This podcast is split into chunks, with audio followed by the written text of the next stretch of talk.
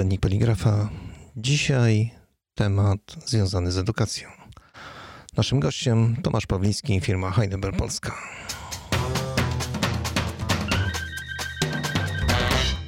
Witam Cię, drogi Tomaszu. Witaj, Mirku.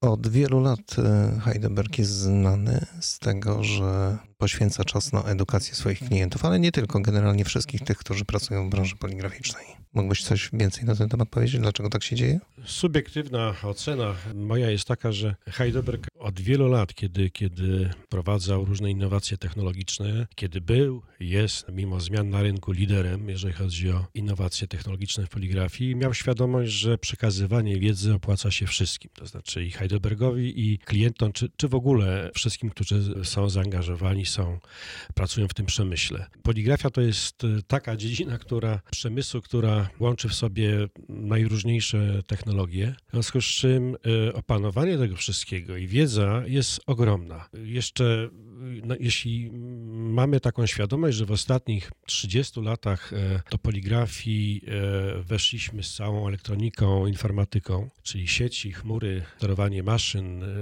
No dzisiaj, dzisiaj pełna robotyzacja nawet. Tak, tak, autonomizacja procesów to, to jest ogromna wiedza, gdzie pracują inżynierowie, powinni pracować inżynierowie, specjaliści z różnych dziedzin. I tutaj, kiedy mówimy o potrzebie edukacji i, i, i czy firma to, czy, czy Heidberg to rozumie, czy rozumiał, to myślę, że to, to, to jest właśnie bardzo prosty schemat.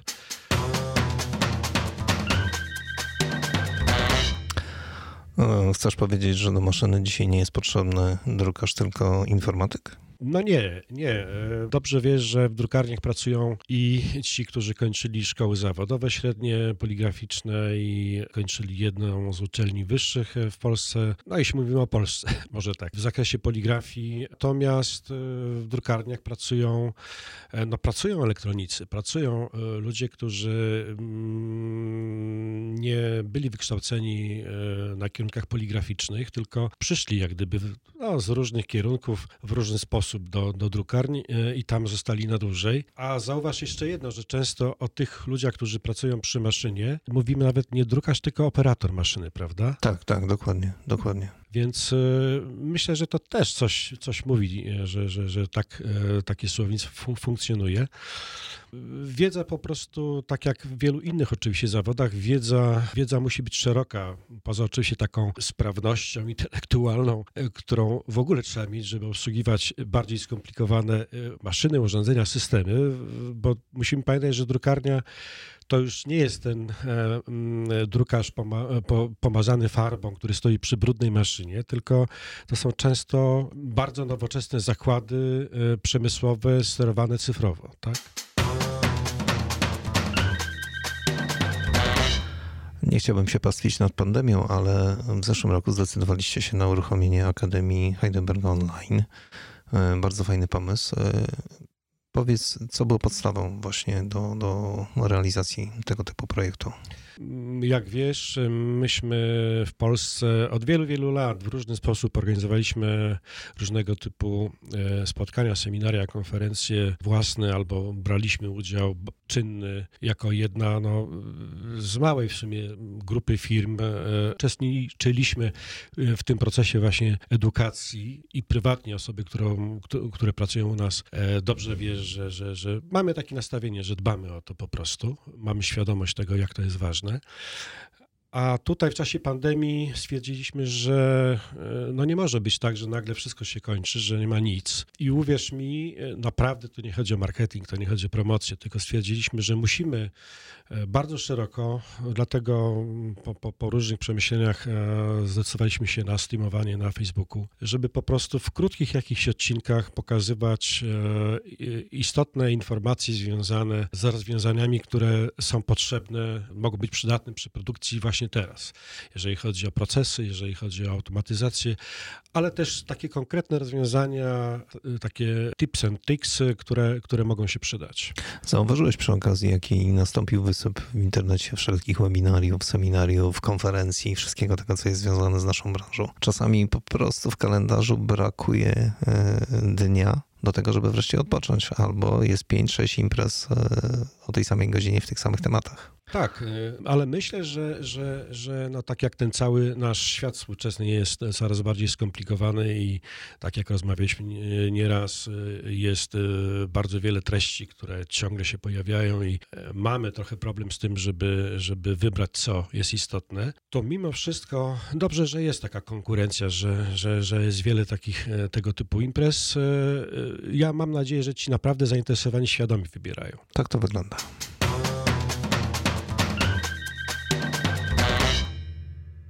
Jednym z Waszych projektów jest Prinect User Day. Wspaniały projekt. Muszę Ci powiedzieć, że byłem uczestnikiem między innymi tego tradycyjnego wydania e, tej edycji, gdzie zaprosiliście gości i było naprawdę super, tematy niezwykle interesujące. Jak to wygląda w przypadku, kiedy przełożyliście to na spotkanie online? Krótko, jedno słowo powiem, jedno zdanie takiego wprowadzenia. Jest, jak wiesz, ta edycja międzynarodowa, która jest od wielu, wielu lat. Nie dla tysiąca ludzi, tylko tam przyjeżdża 100, 150, 200 osób, mm, ale to są ludzie, którzy rzeczywiście chcą przyjechać i są zainteresowani. My po prostu zdecydowaliśmy się, że zrobimy to w Polsce, bo dlaczego nie? Też wiemy dokładnie, co byśmy chcieli przekazać albo jakie są potrzeby. Mamy, mamy dużą grupę, duże grono e, drukarni w Polsce, które wykorzystują wykorzystują system i warto z nim bezpośrednio rozmawiać, niezależnie od spotkań bezpośrednio w drukarniach, tylko właśnie tego typu, takie seminaryjne. Jeżeli chodzi o potem tą wersję online, no to właśnie ze względu na pandemię e, stwierdziliśmy, że też nie będziemy czekać, aż pamiętamy obaj, że, że, że nikt nie wiedział jeszcze w zeszłym roku, co się tak naprawdę na świecie będzie działo. Czy to będzie trwało rok, dwa lata, pięć lat i co się będzie działo. Stwierdziliśmy, że, że musimy to zrobić po prostu tylko w wersji online. Wiesz co, to się nie różniło jakoś specjalnie. Po prostu mieliśmy dobranych e, gości e, z naszej strony, ze strony naszych kolegów z Niemiec. Ustaliliśmy program podobny do tego, który był, plus to, co mieliśmy w tym feedbacku wcześniej właśnie od uczestników poprzedniego tego stacjonarnego jak gdyby spotkania. I to wszystko. Mieliśmy dobre narzędzie do streamingu, żebyśmy mogli to rozsądnie zrobić i już.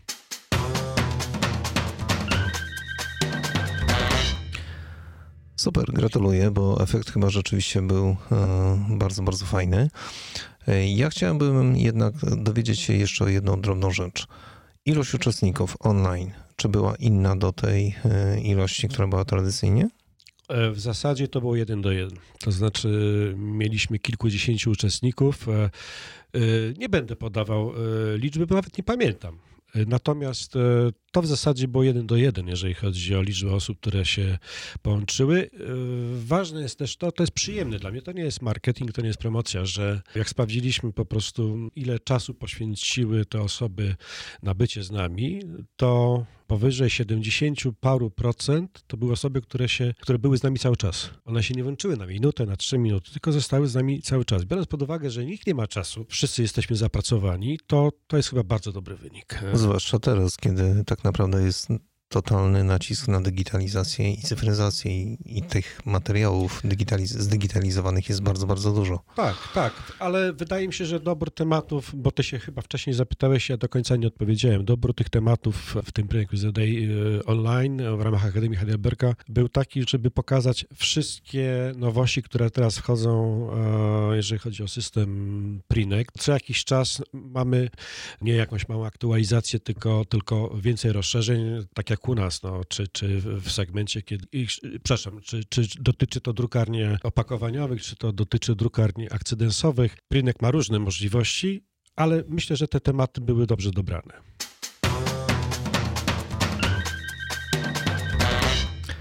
No dobrze, ale popatrz na to w ten sposób. Prinect, jak ja pamiętam jeszcze sprzed e, powiedzmy ponad dekady, to on miał tylko kilka klocków Lego. Dzisiaj jest to potężne narzędzie. Stawiacie strasznie mocny, duży krok w stronę cyfryzacji, digitalizacji. Wydaje mi się, że, że oczywiście są takie firmy, y, które z nami konkurują, albo które tylko na przykład opierają się, o, znaczy są producentami, dostawcami oprogramowania. I bardzo dobrze, że, że, że, że jest wiele firm, które mm, działają na tym rynku.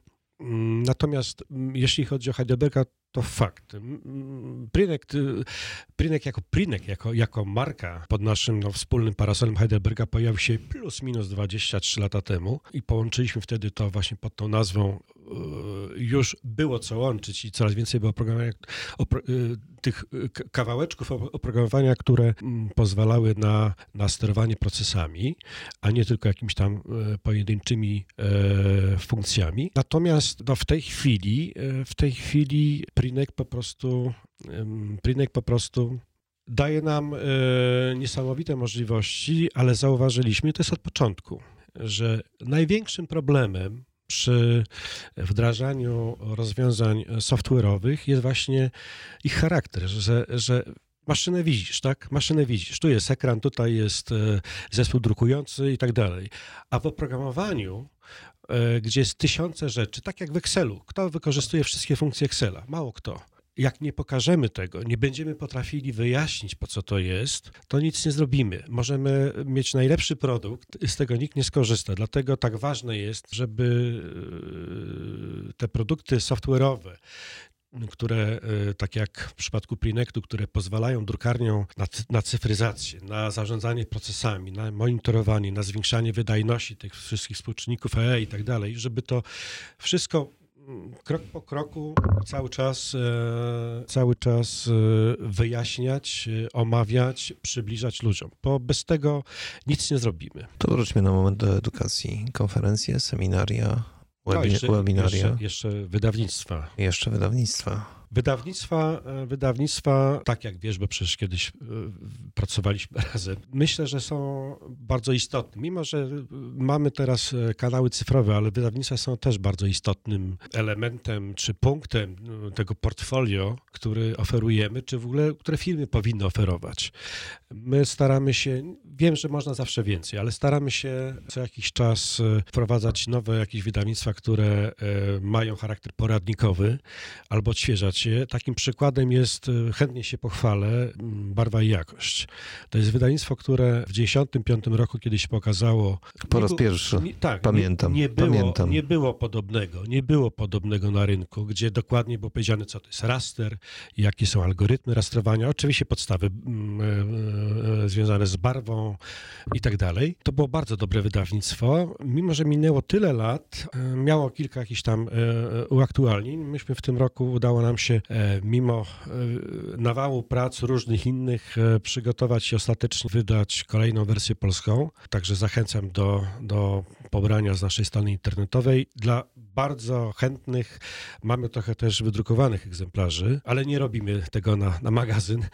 Ale myślę, że, że, że takie podstawy też są potrzebne i będą zawsze potrzebne, plus te rzeczy, które dotyczą oczywiście jakichś elementów sterowania e, systemu zarządzania barwą współczesnych. To jeszcze dwa słowa o edukacji, o pomocy szkołom, bo tutaj jesteście jedną z nielicznych firm, które bardzo pomagają naszym poligraficznym szkołom czy Instytutowi Poligrafii. To prawda, chociaż oczywiście znowu powiem po raz chyba trzeci w tej rozmowie, że wiem, że można więcej, ale mm, rzeczywiście, jeżeli chodzi o szkoły, to przez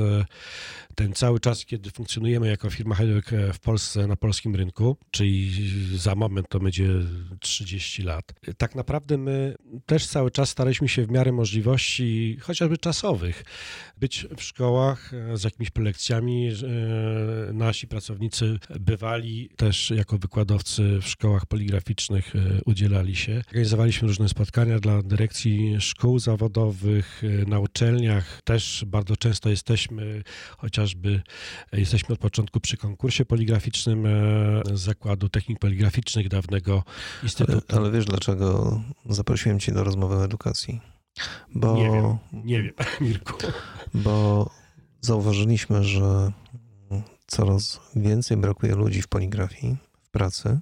Wiele drukarni bardzo narzeka, że nie ma tego mm, powiedzmy stanu osobowego do dyspozycji, który w ogóle wiedziałby coś na temat poligrafii. I tak naprawdę każdy krok w stronę tego, żeby mm, przekazywać wiedzę, edukować ludzi, jest po prostu mile widziany. To, co zauważyliśmy wcześniej na początku rozmowy, poligrafia rozwinęła się nieprawdopodobnie.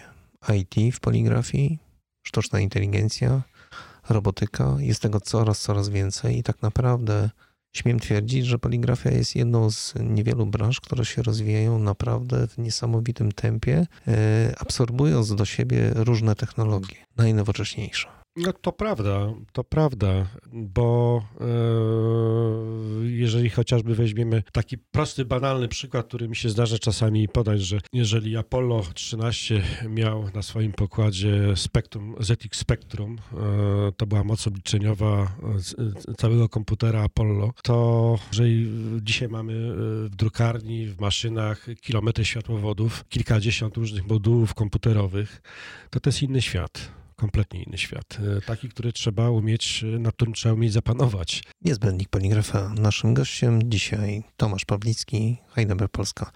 A nasz niezbędnik powstaje w studio 3 po 3. Tomasz, bardzo dziękujemy Tobie za dzisiejszą wizytę i za niezwykle ciekawą rozmowę. Dziękuję bardzo. Pozdrawiam.